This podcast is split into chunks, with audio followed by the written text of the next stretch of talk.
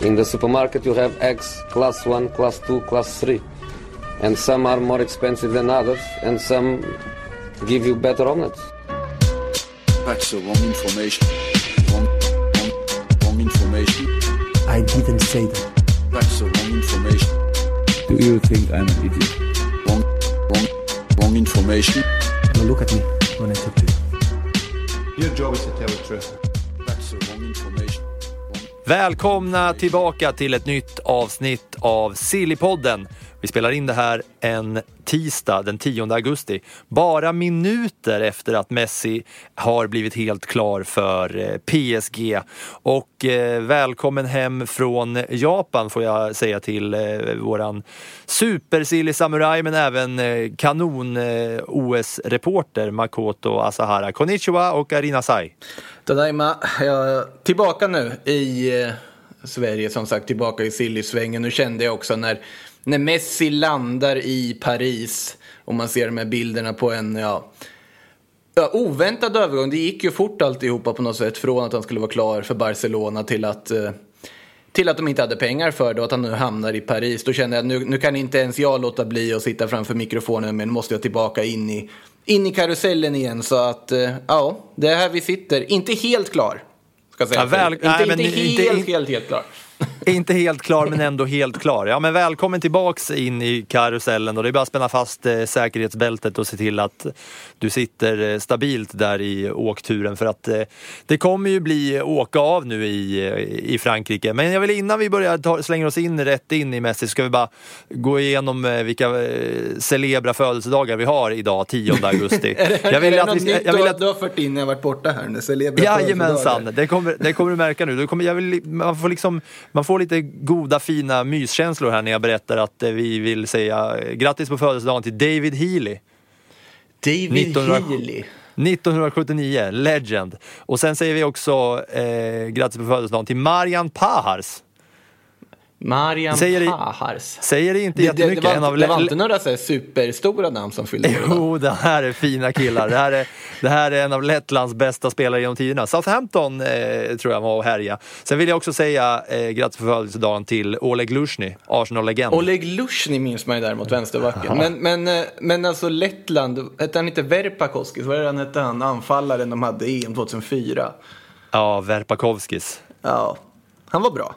Då i alla fall. man, man vet ju när de, är, när de är från Lettland så är det ju alltid namnet slutar på S. Man heter liksom inte Tom, man heter inte Lauri utan man heter liksom Toms eller Lauris alltid i Polen. Så han heter ju Marians Pahars. Riktigt, eh, riktigt fin eh, lirare. Och han fyllde år de idag. vill, Ja, exakt. Och framförallt då Oleg Lushny som föddes 1968. En eh, true legend of the sport. Jag har hittat en japan också som jag tänkte se om du kan reagera på. Daichi Kamada, född 96. Ah, Kamada. Ja, ja. Ja, ja Kamada. Kamada blir det väl, till och med. Eh, han har gjort det ganska bra där i Frankfurt på senare tid. Han fått en allt större, kom ju in ganska fort i det också om vi, om vi ska just prata om honom. Men, Nej, det ska vi inte. Vi ska bara gratulera honom på födelsedagen.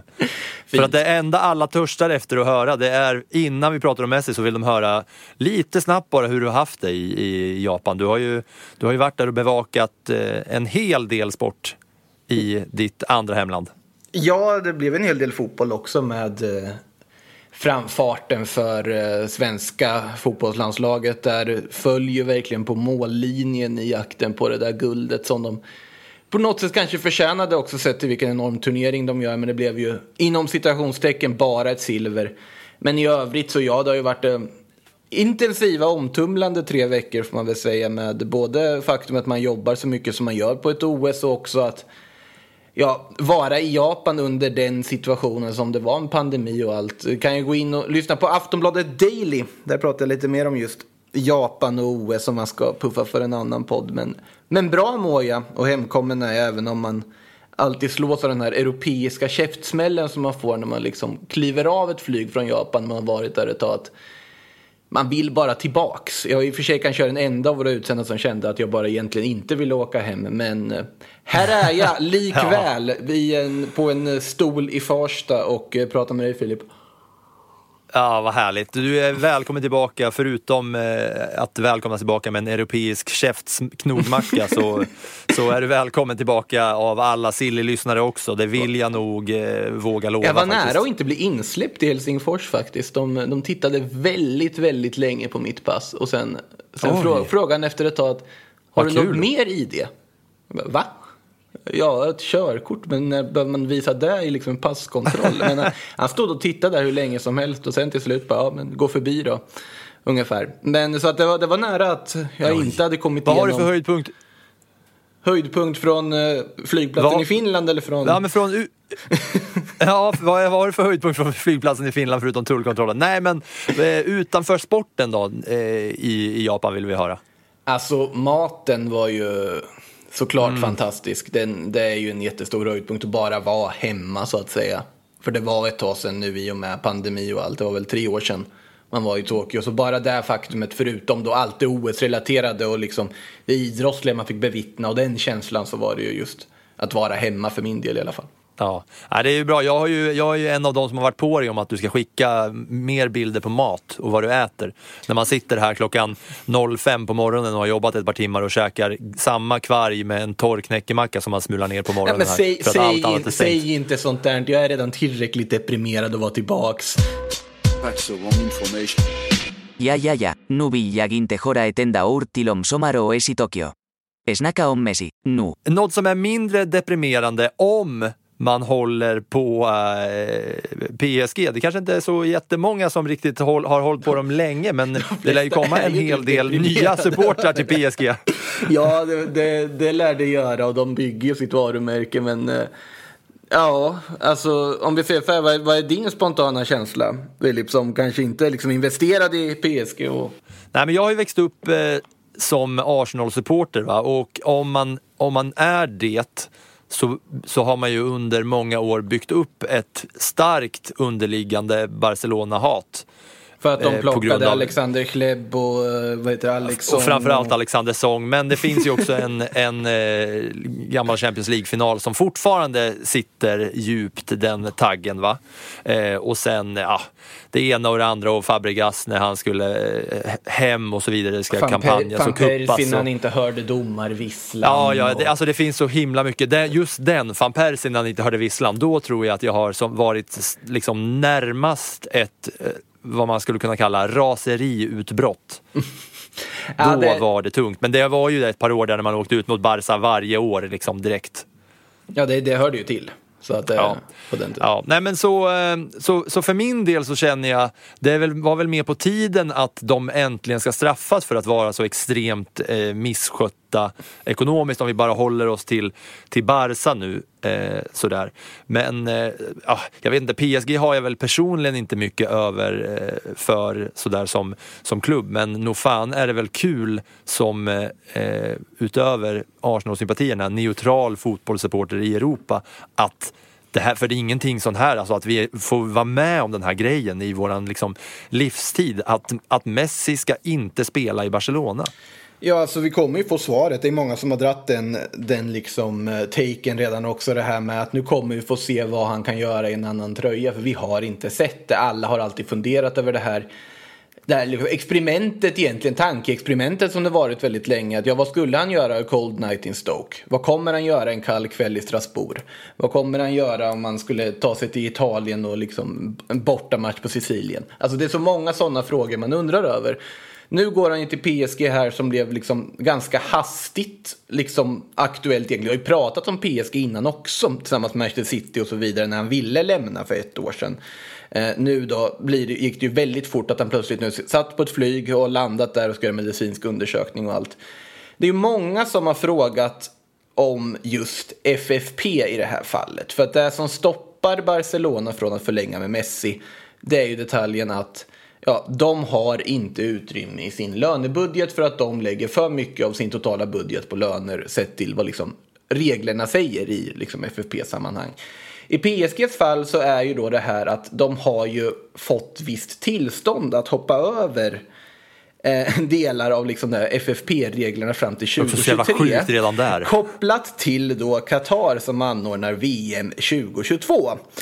Ehm, och det kan man ju verkligen tycka precis vad man vill om. Eh, Ja, man kan, men kan man kanske inte borde. Nej, eh, det, alltså det är så svårt att liksom ta ställning till alltihopa ur bara rent sportsligt perspektiv. Om man bortser från allt det orena mjölet i diverse påsar så gör ju PSG ett helt fantastiskt transferfönster. De plockar in Sergio Ramos, Gigi Donnarumma, Gini Wijnaldum för på fri transfer. De plockar nu Lionel Messi bara lite av farten. Och dessutom På fri värvat- transfer. Ja, och dessutom plockat Achraf Hakimi för inte fri transfer utan massa pengar.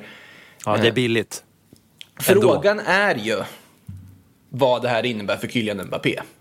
Om det är så att de kan på något sätt undkomma alla regler och sånt där genom att faktiskt göra sig av med honom här nu.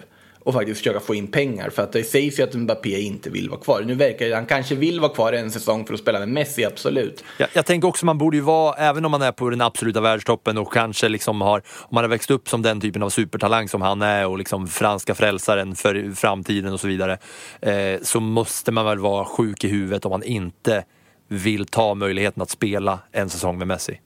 Ja, så är det ju. Och spela med Messi och Neymar tillsammans och se liksom vad det här galna bygget kan liksom leda till. Så att den aspekten finns ju. Förutsatt att PSG är redo att släppa honom gratis nästa sommar. För det är ju det som kommer ske om inte han då förlänger sitt kontrakt och gör sig helt o- oköpbar helt enkelt. Och det beror också på hur mycket den här viljan från honom att någon gång spela i Real Madrid faktiskt existerar. För där tror jag att om det ska bli av så måste det ske på det här kontraktet. När det här kontraktet tar slut eller via en övergång. Eh, sen är också nästa fråga.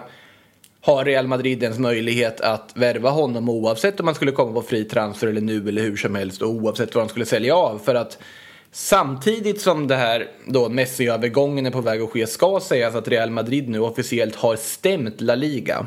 Mm, och det vill jag jättegärna höra dig prata mer om. För att det, första jag tänkte om just det var tankar direkt till Mbappé. Att de stämmer ligan för att de inte har råd med de här nya reglerna eller med, de här, med det här regelverket som det är.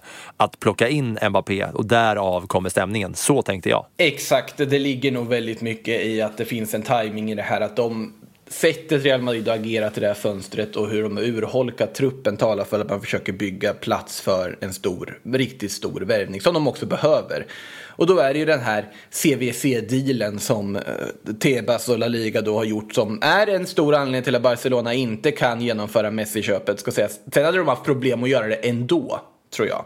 Men det är ju just den här chocksänkningen av då liksom lönetaket för dem som gör att man fortfarande måste sälja av spelare för att ens kunna registrera de andra nyförvärven man har gjort. För du sitter fortfarande i det problemet.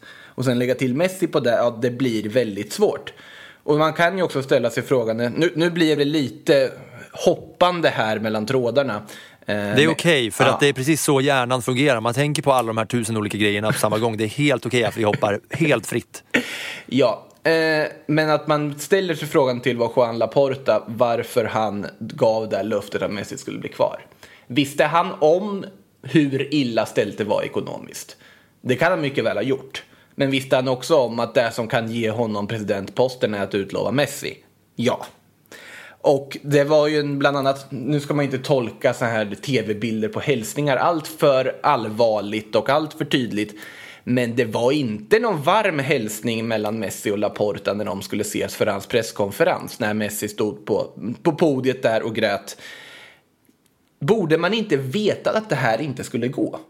Och vad, vad folk som säger att ja, men om man så gärna vill stanna i Barcelona och spela gratis då? Nej, du kan inte det enligt reglerna. Nu pratar vi inte alltså La Liga-regler utan nu pratar vi spanska arbetsrättsregler som gör att du inte kan sänka din lön allt för mycket för att få vara kvar liksom, på ett nytt kontrakt. Då, för att det hade kunnat bli ohållbart i andra branscher. Och i och med att Messis lön var så astronomisk från början så gick det inte att sänka mycket mer än vad de nu har gjort. Och ändå har de inte råd. Och det talar ju för att, ja, nu ser man återigen hur misskötta de faktiskt var under Bartomeus ledning. Man ser hur stora ekonomiska bekymmer de här spanska klubbarna har efter pandemin, efter det som har skett och så vidare. Och hur och varför de sitter kvar i superligan. Varför de ser att den är behövlig för att de ska kunna överleva och kunna konkurrera med de allra största. För att det här är på något sätt kan vara dödsstöten för liksom La Liga-klubbarna att konkurrera på allvar på det sättet vi har vant oss vid att de ska göra just Real Madrid och Barcelona. Men du tänker att om Superligan hade liksom gått igenom, nog för att fan, eh, fankulturen och supportrar hade liksom rasat och det hade försvunnit fans från många klubbar, så hade, det här, hade Superligan gjort att Barca hade kunnat behålla Messi? Ja, det, det, ska man väl inte sätta, liksom slå fast i sten, men det hade gjort att Real Madrid och Barcelona konkurrerar med liksom, de engelska Big Six, de konkurrerar med PSG och så vidare. Vilket de nu verkar känna att de inte kan. Och sen ska det sägas att det är inte bara synd om dem på något sätt. Barcelona skulle kunna hantera sina, liksom sin ekonomi betydligt mycket bättre. Om det är någonting som jag inte tycker att det är så är det ju att det är synd om Barcelona. För det här är ju en sitt som man har satt sig i efter många, många, många Verkligen. år av ekonomisk katastroftänk. Ja, och Real Madrid som ändå anses ha skött pandemin bra, de har ju också satt sig på något sätt i den här sitsen på att de värvade faktiskt för över 3 miljarder för två fönster sedan. Hade man råd att göra det? Skulle man värvat smartare då? Det är lätt att sitta och liksom fundera vad de skulle kunna gjort istället, men det råder ingen tvekan om att Real Madrid och Barcelona inte sitter i några särskilt bra situationer just nu. Det, så mycket kan man i alla fall säga. Och att... Ja, och, och det måste påverka La Liga rätt stort också bara att eh, man blir av med den absolut största stjärnan eh, så här. Och det är ju därför det, det är konstigt att Tebas agerar som han gör. Att, alltså, att när Messi Ramos har försvunnit på ett fönster så har La Liga precis tappat sina två största affischnamn. Och de har redan blivit av med Cristiano Ronaldo för, vad blir det nu, två, två år sedan. Och eh, vad ska de sälja liksom tv-rättigheter? Vad ska de sälja ligan med? Vad ska de promota ligan med för stjärnor? För det, det, det, är ett visst problem. Ja, såklart man vill ha en liga som är jämn och spännande och det kommer vi få. Men det är ju mycket baserat på att Real Madrid och Barcelona är dåliga snarare än att resten av ligan har blivit bättre i dagsläget. Så att för Tebas ja, del så... Man kliver in, man ja, han vill ju markera mot klubbarna såklart för att de gick ut i superligan. Och de, det är ju en väldigt infekterad stämning mellan toppklubbarna och La Liga just nu. Ja, La Liga, de kliver in på, på de stora mediehusen och eh, ska pitcha in att man ska köpa, den för, köpa rättigheterna för hur många miljarder som helst. Och så säger de La Liga med stjärnor som Dani Carvajal, Sergi Roberto och så vidare. Ja, typ. Det är ju inte lika, lika levande Griezmann. som att ha... Nej, men... Nej, så att de... Så att ju, ur det perspektivet såklart det finns stjärnor kvar i lagen. Såklart det är bra lag fortfarande, inte det jag säger. Men det är ändå ett litet tecken på vart vi är på väg. att Messi nu ska till PSG. Och vi ska ta oss vidare till PSG efter att eh, ha pratat lite här om eh, vad, som liksom, vad, vad som händer i Spanien eh, efter den här övergången. Så. Men jag vill bara, innan vi ska prata lite PSG och eh, Messis betydelse där och vad som kommer hända, hända med den klubben så är jag bara nyfiken på Agüero. Hur vansinnig är inte han nu då? Ja, han, han är väl inte jätteglad, men framförallt så är hans problem att han har dragit på sig en skada som verkar hålla honom borta från spel fram till typ oktober-november. Eh, så det Chocken inte, i natt. Nej, så det är ju inte en drömstart på liksom det Barcelona. Har ju, det har aldrig hänt förut att Agüero har skadat sig. Nej, men alltså det är ju det som är så konstig situation nu på något sätt. Att i och med att man har liksom, Messi bara, hans kontrakt bara gick ut. Alla förutsatte att det bara var liksom formaliteter från att han skulle liksom förlänga. Och sen kom då den här bomben med att nej, vi hade visst inte råd med det. Man lägger skulden mycket på La Ligas regler, men det var regler man visste om. Och många har trott, inklusive mig själv, att det har varit spel för gallerierna väldigt länge. Till och med att man inte ens uteslöt att det var spel från gallerierna när han sitter där och gråter på presskonferensen. Det var på den nivån man kände. Så när de här små, små uppgifterna dök upp om att de skulle göra ett sista försök som kom här innan, jag vet inte om du såg dem. Eh, så tänkte man att ah, nu kommer ju liksom vändningen. Nu kommer han ju mm. ändå stanna, nu kommer de ha löst det på något sätt.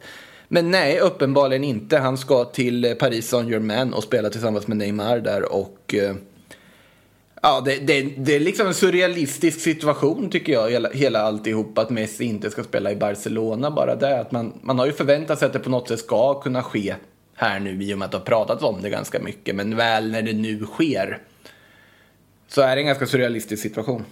Ja, och vi, vi tar oss till, eh, till PSG nu då. Vi har ju redan varit inne på det att det är ju ett rejält eh, fönster de har gjort och det är ett eh, ganska ordentligt eh, ställningstagande med alla de spelarna som har tagit in. Men det behöver man väl fan göra efter att ha sumpat ligan förra året? Ja, alltså om de lyckas sumpa ligan med den här truppen igen så då, då lär ju inte Pochettino sitta kvar hela säsongen om vi säger så. Nej, då är det avgå alla som gäller. Ja, som. men jag tror prioriteringen här, det är ju såklart Champions League-bucklan. Det är den man blickar mot, det är den man siktar på, det är den man vill vinna och det är den som spelar all roll för dem just nu. Och det är den måttstocken som Pochettino kommer att jobba med. Ja, och spelmässigt eh, så eh, är det ingen snack om saken att det blir eh, Neymar, Mbappé, Messi längst fram, eller? Nej, om Mbappé blir kvar. Jag, jag ska faktiskt inte slå fast det i stenen, men eh, ja, det, allt annat vore väl konstigt. Sen ska väl Neymar vara borta någon månad där i vår när hans eh, syster fyller år och lite sånt. Han brukar ju tajma det ganska bra. Och de lär ju vilas hit och dit och rotera så att det lär väl bli speltid även för Angel Di Maria och sådana också i truppen, absolut. Men eh, det är väl det som ska vara utgångspunkten. Det är väl svårt att se något annat i alla fall. Och det ska bli väldigt spännande att se vilken roll Messi väljer att ta. För han har haft en lite mer framspelande roll i Barcelona senaste tiden. Eh, och senare år. Så att eh, tror inte han kommer kasta in mål på samma sätt som han liksom har gjort tidigare i Barcelona. Men han kommer ju bidra på alla sätt och vis. Jag har svårt att se annat i alla fall. Ja, men om man, om man tänker på hur La Liga är eh, hierarkiskt uppbyggd med eh, Barcelona och Real på toppen och sen Atletico där i, i hasarna, även fast de har varit längst fram nu senaste, senaste säsongen, så finns det ju ändå en hel del klubbar där det är, eh, där det är lite lättare för Barcelona att, att spela ett gäng matcher. Men är det inte ännu mer så nu här i, i franska ligan?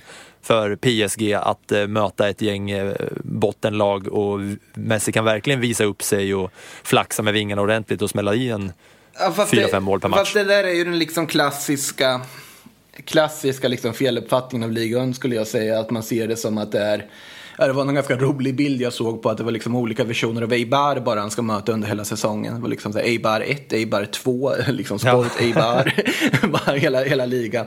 Eh, det, det, all, all respekt till Eibar, jag tycker de är en jättefin klubb. Men eh, Alltså grejen med de franska mittenlagen och bottenlagen och de franska matcherna i allmänhet att det är, det är ganska fult de här lagen spelar. Vi har sett en liksom, behandling som en stjärna som Neymar fått i ligan. Det är liksom varannan vecka man hör om att det är storbråk i någon match efter att någon, någon trött mittback i typ Angers har gjort någon liksom så här katastroftackling mot någon PSG-spelare och det blir gurgel.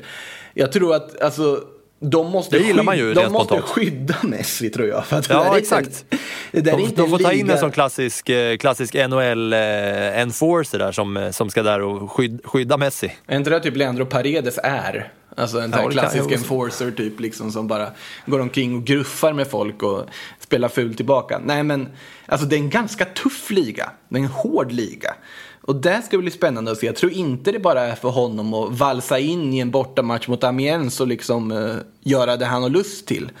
Utan det, det är inte en lätt Nej. liga att hantera även när man tror det. Sen är ju kvaliteten kanske såklart inte lika hög som i Premier League och La Liga överlag. Men det är en bra liga och jag tror inte han kommer bara kunna valsa runt hur han vill i alla fall.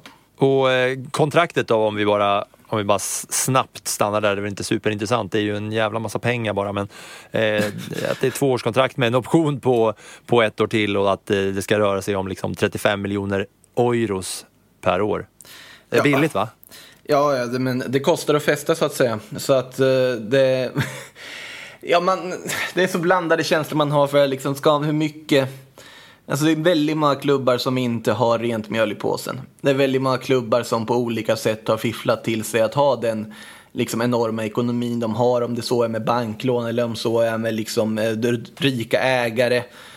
Och såklart det PSG gör nu, sättet de finansierar det här, det är väldigt svårt att stå bakom det. Det är väldigt svårt att liksom bara dras med i det och bli liksom överlycklig och känna wow vilket dreamteam de bygger, vad roligt det här ska bli. Att det finns något sorgligt i alltihopa också, att de kan göra det här. Men Ja, han, såklart han kommer få en bra lön. Ja, ligan har ju haft sina egna problem med att eh, få ordning på, på eh, rättigheterna för vilka som ska sända ligan. Det har varit, det har ju varit en jäkla massa strul och krångel där och inför någon match förra säsongen var det inte ens säkert att eh, de skulle kunna visa kommande omgång på TV ens för att, för att det var så mycket strul där. Men de har ju, de har ju ett ganska bra case nu till, eh, till sändande bolag att, att betala lite extra för det är rätt många fransoser som eh, vill kolla på Messi i, eh, i franska ligan kan jag tänka mig. Ja, inte bara fransoser tror jag, utan det kommer nog vara ganska många runt om i världen som är nyfikna på PSGs premiär när Messi ska göra sin debut. Det är ju, det är ju onekligen så. Men det är ju så att Ja. de är en av de största klubbarna med den största attraktionskraften idag. Det har de ju bevisat på att de plockar kontraktslösa spelare som på något sätt också Både stjärnor och sådana som liksom vill bygga karriär men också vill bygga varumärke. Tänker Sergio Ramos vill ju kanske primärt bygga ett varumärke i Paris. Det är den känslan jag får att han väljer PSG. Gini Wijnaldum vill väl snarare liksom bygga karriär och vinna titlar. Och går, går av den anledningen. Vill ju såklart Ramos också naturligtvis men det, det är en klubb som uppenbarligen lockar väldigt bra fotbollsspelare, de allra bästa fotbollsspelarna idag. Och det är den statusen de har lyckats bygga upp. Um, och det hade de redan haft sen tidigare också, men det är ganska slående det här fönstret med tanke på vilka de har lyckats plocka in. Ja, och om vi bara tänker på hur det var när, när Zlatan gick till PSG så, så fick, han, så fick ju liksom laget eh, Paris, eller laget PSG fick ju ganska mycket nya fans bara i Sverige på grund av att Zlatan gick dit. Och det lär ju bli av en annan dignitet nu när, när, när Messi Och sätter själv- på sig PSG-tröjan. Självklart är det så. Så att eh, det, det, det råder ingen tvekan om att de, bygger, de har ju spelare som, som genererar intäkter på så vis också. Scenariot är väl ändå spikat och klart va? Det blir eh, PSG mot Barca i en eh, Champions League eh, åttondel direkt efter gruppen. ja, det, det hade ju inte förvånat om de möts på något, någon, någon del av Champions League-trädet nästa säsong. Det känns ju nästan skrivet i sten. Ja, det är ju, det är ju råmega spikat och så kommer Messi då dire- ganska direkt komma hem till, eh, till Camp Nou och, eh, och lira där. Ja, om man Det inte- slår vi fast. Ja, det, nästan som man vågar slå fast att han kommer bli tvingad att göra en sån match. Och jag kan nog våga slå fast att han kommer inte fira ett mål heller. Nej, det vore ju jävla sjukt. Du, eh, har, har, du något, har du något mer? Det känns som att eh, man har liksom gått igenom massa olika scenarion. Jag stod i tv-rutan och snackade med Frändén som var på plats utanför Parc des Princes förut. Man har ju gått igenom massa olika scenarion. Har vi missat något i hela den här Messi-övergången? Nej, alltså vi lär få många anledningar till att prata om det här igen innan fönstret stänger. Så att det, det tror jag inte att vi har.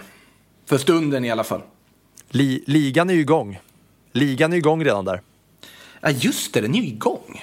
Ja, PSG vann första matchen. De har tre poäng i, eh, i ligan. Barcelona, Real Sociedad till helgen också när La Liga drar igång sam- samtidigt som Premier League. Det går, det går fort här nu, man måste börja sätta sig in i det fort inser jag efter att ha varit i OS-exil i tre veckor. Ja, leder eh, franska ligan gör Clermont Foot. Kul för dem. Clermont Foot 63 leder franska ligan efter en spelad match.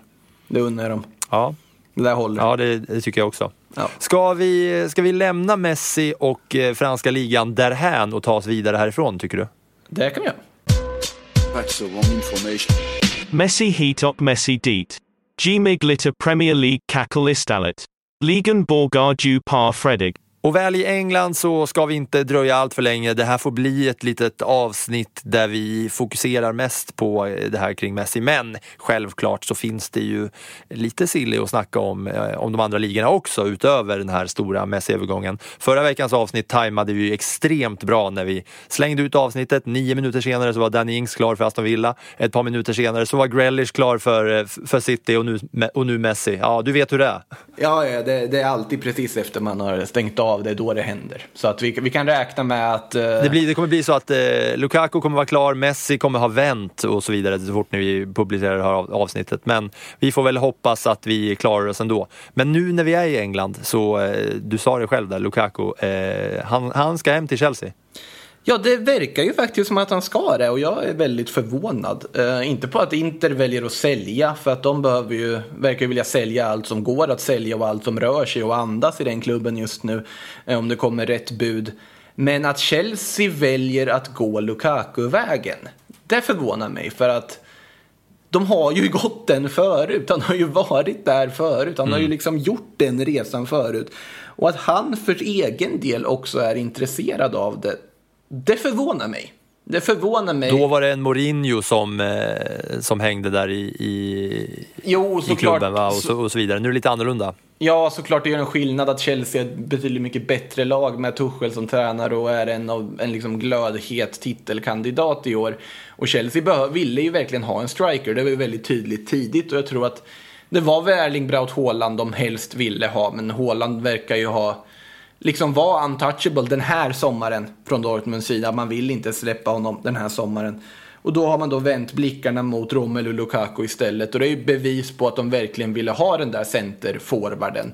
Jag hoppas bara för Lukakus skull att han används på rätt sätt. Att han får en tränare nu, att Tuchel inte faller i det här gamla Premier League-tricket och tror att han bara är en eh, liksom orörlig target som lever på sin styrka. Nej, för Lukaku stora styrka enligt mig, det är ju det han har fått visa i Inter. Spelintelligensen, genombrottskraften, alltså liksom smartheten på plan. Det finns få anfallare som är så smarta som Romelu Lukaku, som rör sig i rätt ytor, som tar rätt beslut och dessutom har den här målfarligheten. Och att han får trivas i Chelsea igen på samma vis som han gjorde i Inter. För att i Inter så har han ju mått bra. Så jag tycker ju det här, alltså rent, alltså utan någon koppling till varken Inter eller Chelsea så tycker jag att det är en väldigt tråkig övergång. För jag hade gärna velat se honom få fortsätta i Inter och bygga sin liksom legacy där. Nu blir det istället att han lämnar med lite ont blod istället och går tillbaka till en klubb där vi redan har sett honom göra en vända. Jag hoppas att den här vändan blir bättre för honom. Men jag hade velat se honom fortsätta utanför Premier Leagues ramar. Men det verkar ju som att det blir Chelsea igen trots allt. Ja, det är ju rätt sjukt alltså hela den grejen om man tänker på det. Men du sa det ju ganska bra att det är ju ett helt annat Chelsea som han nu, alltså nu, slår vi, nu räknar vi nästan in det här att, det, att det, allt lutar ju mot att det kommer bli så. Men på samma sätt som Chelsea, det var ett annat typ av Chelsea, så är det ju också en helt annan Lukaku nu som har tagit sig till höjder som han verkligen inte var i, i närheten av senast väl. Ja, precis. Alltså det, I det här läget så Lukaku är ju på en annan nivå. Chelsea är på en annan nivå. Bara det talar ju för att det, att det kan bli positivt det här och det finns en tydlig roll där han kan ta när han kommer ha liksom Kai Havertz, Timo Werner, Mason Mount runt sig. Så och Lukaku är som sagt en bättre fotbollsspelare idag. Så att det ska bli spännande att se och följa. Ja, Premier League är ju också bara runt hörnet. Det drar igång på fredag med Arsenal-Brentford. Sen är det ju eh, omgång där lördag och eh, söndag och säkert även måndag också. Det ska ju spelas alla dagar i veckan nu för tiden. Eh, men om vi kastar oss till en annan klubb där som Lukaku också har lite band och kopplingar till så, så läste jag att United som, som ändå har varit på hugget och dragit in Sancho och Varann som väntas presenteras när som helst så har de sagt att de inte ska sälja eh, Martial. Det tyckte jag var intressant. Det kanske inte är en dunderbomb men jag är ändå lite fundersam kring hela den grejen. Vad säger du? Ja, alltså lite förvånad blir man väl ändå. Martial har inte direkt stärkt aktierna här i United under det senaste året. Nu har man ju fått in Jadon Sancho där dessutom. Men eh, ja, samtidigt, du behöver ju ha en bred trupp också. Om Martial kan acceptera att ha en mer liksom rotationsroll så absolut. Sen är också problemet att vem vill köpa Martial? Det kanske inte finns några köpare för honom heller. Och det, det påverkar ju en del också säkert. Ja, och sen så är det ju också en eh, eh, skadestatus på Rashford som kanske gör att eh, de, eh, Ja, ja. United då har, har be- har bestämt sig Exakt. för att eh, nu är det läge att behålla honom det här, eh, den här stunden tills, tills Rashford är fit for fight helt och hållet igen. Exakt, och onekligen så finns ju den aspekten också.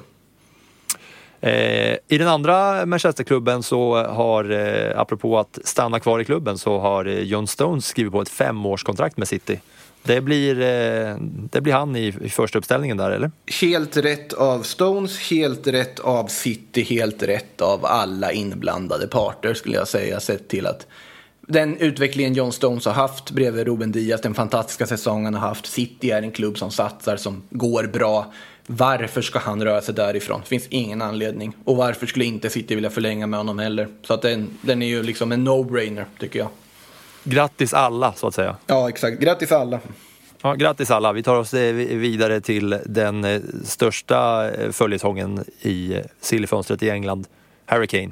Vad, eh, Ja, vad vad har du för, där, för ja? känslor? Ja, det, det börjar ju med de här eh, träningarna när han inte dök upp. Nej, men det kommer ju inte bli något. har- Det kommer ju fortfarande inte bli något av det här. Alltså det, det är ju den känslan jag har, att han kommer ju bli kvar i Spurs. Nu har ju City precis lagt 1,2 miljarder på Jack Grealish. Om de har ytterligare en miljard att lägga på Harry Kane, det vet jag inte. Chelsea verkar att de ska gå för Lukaku oavsett. United kommer inte punga ut massa pengar för Harry Kane, till exempel. Var ska han gå? Det finns ingen klubb att gå till förutom potentiellt City och jag tror inte City kommer lyckas lösa den värvningen också. Så att eh, med det i åtanke så tror jag att han lär bli kvar i Tottenham och han lär få försöka göra det bästa av det. För jag tror inte att köpkraften eller liksom köpintresset är tillräckligt starkt från City för att de ska lägga de pengarna ytterligare en gång på en spelare. Men det är ett väldigt galet, konstigt fönster hittills. Och man ska ju aldrig säga aldrig att han plötsligt dyker upp där i en ljusblå tröja och ser glad ut på någon bild. Så att, eh, men just nu, min, min ståndpunkt i han blir kvar i Tottenham med största sannolikhet, den har inte förändrats av liksom, senaste tidens händelser. Jag tror också att eh, Kane är alldeles för mycket av en company man för att, eh, för att börja strejka och hålla på och sura på riktigt. Känns som att han, han, kör, han gör ett försök med att eh, han ska dra vidare. Får han nejet så drar han ändå på sig, liksom, slänger på sig spörstället och så går han ut och kämpar som den, som den urbritt han är ändå. Ja, li, lite så känner jag också. Jag har svårt att se. Det har varit väldigt tråkigt för alla inblandade där ifall det skulle sluta med liksom strejk och att de tvingar sig bort från klubben. Så att då hoppas jag snarare att om man ska gå så får det vara på att liksom de får ett tillräckligt bra bud som de vill sälja för och alla parter blir nöjda på så vis. Ja, det återstår väl att se vad som, eh, vad som händer där. Jag eh, håller ändå upp ett eh, liksom, varningens finger i luften med lite vindar här och tror ändå att det kan, det kan bli rörelse på, på Kane ändå. Eh, särskilt nu när vi har fått se att det spelar kanske inte roll, eh, någon roll hur mycket klubbkänsla man har, att man kanske behöver sticka ändå, särskilt nu när vi har sett Messi och så vidare. Eh, Money kanske talks eh, tillräckligt mycket för att Kane ska, ska sticka därifrån ändå till slut. Känner vi oss nöjda i England? Bara ett sånt litet kort stopp. Ja, ja, men det tycker jag. Det, alltså, man är ju fortfarande inne i liksom Messi-tänket där känner jag att det, det, det mesta det mesta bleknar just nu i jämförelse sett till det som just nu, just nu är på väg att ske och håller på att ske. Ja. Och om det bleknar i England så kanske det bleknar ännu mer i Italien. Men vi tutar vidare och, och kör dit. Italienska outlet priser i Milano. Rererea. Como shoppelosa. Billigt. Den största grejen i Italien då är väl kanske att eh, det snackas om att Tammy Abraham ska eh, bli klar för Roma här inom kort och att det är en summa på 410 miljoner. Vart, vart kom Som- de pengarna från till Roma? Ja, exakt. Det, var, det var det jag reagerade mest på. Särskilt att det var, att det var liksom ingen så här liten påhittad liten blogg eh, i Italien utan det, att det var Sky, som, Sky Sport som, som rapporterade om det och att det handlar om att Chelsea har haft möjligheten att sälja till andra Premier League-klubbar som har varit intresserade. Aston men Villa att- till exempel. Ja, exakt. Och Arsenal har väl pratats om där också. Jag vet inte hur mycket man kan, eh, kan tro på de eh, grejerna med tanke på vad som, vad som sker där och vad det finns för folk som, in, som de inte lyckas sälja och så vidare. Men enligt Sky i alla fall så, så verkar det närma sig en övergång för den här summan. Tammy Abraham till Roma. Ja, alltså 410 miljoner tror jag absolut inte att Roma kommer kunna köpa Tammy Abraham för. Däremot så ser jag absolut en potential att Roma lånar in Tammy Abraham. För det känns som en ganska rimlig övergång för alla parter där också. Roma får in en bra anfallare som vi har sett att också klassiska Premier League-spelare som inte riktigt platsar i sitt topplag väljer att gå till italiensk storklubb. Det har vi sett förut, det har funkat ganska bra. Roma har liksom bevis av det med till exempel Chris Smalling och så vidare. Eh, om de kan lösa någon form av låneaffär för Abraham, vilket jag tror det skulle handla om om det blir en affär, och då är det väl en jättebra övergång. Ja, och det, det landar ju också lite i det här att eh, Roma verkar skeppa iväg eh, Dzeko nu här. Och att han... är, det dags nu? Är det dags till slut? Ja, exakt. Till slut, till slut så verkar det vara så att det är dags. Men det som är den stora chocken där är ju att, eh, att Dzeko ska gå till seriesegrande Nej, men den, Inter. det, är ju, det är ju liksom transferfönstrens sämst bevarade hemlighet att Edin Dzeko har väckt intresse från Inter. Sen varför Inter vill ha in Edin Dzeko, ja det finns ju olika anledningar till det. Låg lön tror jag, det är billigt. Det är billigt, det, tror jag. exakt, det är billigt, de vet vad de får, de kan liksom, det, det är på något sätt någon form av brandsläckning här och nu på att du ska ha någorlunda duglig trupp när du blir av med Lukaku. Det som är mest oroande för Inters del är att det samtidigt pratas om att Lautaro och Martinez ska vara aktuell för Tottenham. Om de ska släppa Lautaro och Lukaku på ett fönster ja, då är de, och ersätta med Dzeko, då är de väldigt, väldigt illa ute. Eh, jag tycker att de är nästan fortfarande illa ute bara på att de ens är intresserade av att värva in Edin Dzeko i den liksom, form han är i nu, det stadie han är i av karriären. Och som regerande mästare. Det, kom det här är ett lag som vann Serie A vi pratar om, som på något sätt håller på och eh, jag vill liksom sönderfalla på grund av att de kinesiska ägarna vill sälja allt som går och på något sätt, jag vet inte, skuldsanera eller vad de håller på med. Men det är otroligt tråkigt att Inter bygger ner sig på det sättet de gör just nu. Eh, och sen, sen kan ju Edin Dzeko göra sina mål ändå fortfarande, det vet jag att han kan, men det, kommer ju vara ett betydligt mycket svagare Inter utan Antonio Conte dessutom som på tränarbänken som var väldigt viktigt i ligatiteln. Som, som vi kommer få se nu under kommande säsongen. Men det känns ju som att Inter gör allt vad de kan för att inte kunna försvara ligatiteln. Ja, men det var ju som Juventus, Juventus under flera år gjorde allt de kunde för att bli av med den. De lyckades ju till slut också. Eh, det tog ett tag. Men, eh, och nu ska Inter då som regerande mästare också se till att nu ska vi göra allt vi kan för att inte försvara vår ligatitel. Det kanske hör till att spela i Serie A nu för tiden att man ska göra sitt bästa på transfermarknaden för att liksom eh, rasera sina lagbyggen och sina guldbyggen för att liksom bjuda in andra i striden. Tyvärr så är det ju så med liksom den ekonomiska verkligheten som Serie A-klubbarna verkar leva i just nu. Ja, och, och, och, det jag tycker är det roliga i det här är ju att Inter eh, skeppar iväg allt vad de kan och så ska de ta in Dzeko som är 35 samtidigt som Roma då ska ersätta med en bättre spelare som ändå finns tillgänglig som Inter lika gärna skulle kunna titta på. Men då är det ju, då är det ju facit på att det är bara för att han är billig. Ja, ja. För de skulle kunna ta in med Abraham istället. Ja, det hade ju varit en rimlig övergång för dem faktiskt. Det har du helt rätt i. Så att det, det är sorgligt att se vad, vad som händer i Inter just nu. Vi kommer få anledning att prata om det också under eh, resten av fönstret här. Ja, det, har vi. det är jäkligt spännande att se vad som, vad som ska hända, vad, vad de kommer ställa för lag på, på banan där i, i ligapremiären Inter med tanke på allt som de har, allt som de har sålt och så vidare. Och vi ska komma ihåg ändå att det snackades ju för, när det började med Barca där att det kanske, Messi kanske skulle dit på grund av farsans ja, lägenhetsaffärer och så vidare i, i Milano. De var liksom ändå med i snacket. Nu kanske de inte var det på riktigt i eh, realiteten ändå men eh, det, det, var ju ändå, de fanns ju ändå med där i, eh, i liksom lilla skålen av bollar så att säga. Mm. Nej, det, det känns inte som att de kommer ha så mycket att göra med liksom de titlar och sånt nästa säsong om det här liksom nedmonteringen fortsätter. Ja, det är ju, eh, det är ju inte, vi ska inte snacka jättemycket mer om, om eh, Italien här heller, men när vi ändå är Inter, så det är ju de som är, det är de som är den stora snackisen med att allt ska ut och ännu fler folk som ska ut. Det är ju hela soppan med Christian Eriksen och, eh, och hans hjärtstartare. Och nu, nu rapporterar Fotboll Italia om att Eh, man är redan igång med en diskussion mellan klubbarna om att han ska gå till, eh, tillbaka till Ajax, Christian Eriksen. Ja, alltså i Christian Eriksens fall så känns det som att det enda som blir rätt är det som han själv vill och det som ger honom möjlighet att spela fotboll under säkra förhållanden. Och om det är Ajax och en återkomst dit, ja då är det en övergång som man stöttar helhjärtat så att säga och det tror jag inte det gör också för det handlar om andra det handlar om andra värden än bara liksom sport, sportlig styrka på truppen här och truppbyggande. Det handlar om att en eh, någon som var otroligt nära att vi skulle mista ska få, ska få spela fotboll igen och kunna göra det under bra förhållanden. Så att, eh, det är väl det man kan säga om det. Och det känns som att familjen har säkert eh, med ett och annat finger i spelet här för ja, att eh, man ska settle down på riktigt i det här fallet kanske. Verkligen. Så det, är det väl. Ja, ja. Det, jag tror familjen har ett finger med i de flesta övergångar egentligen. Hoppas jag i alla fall att de har till viss del.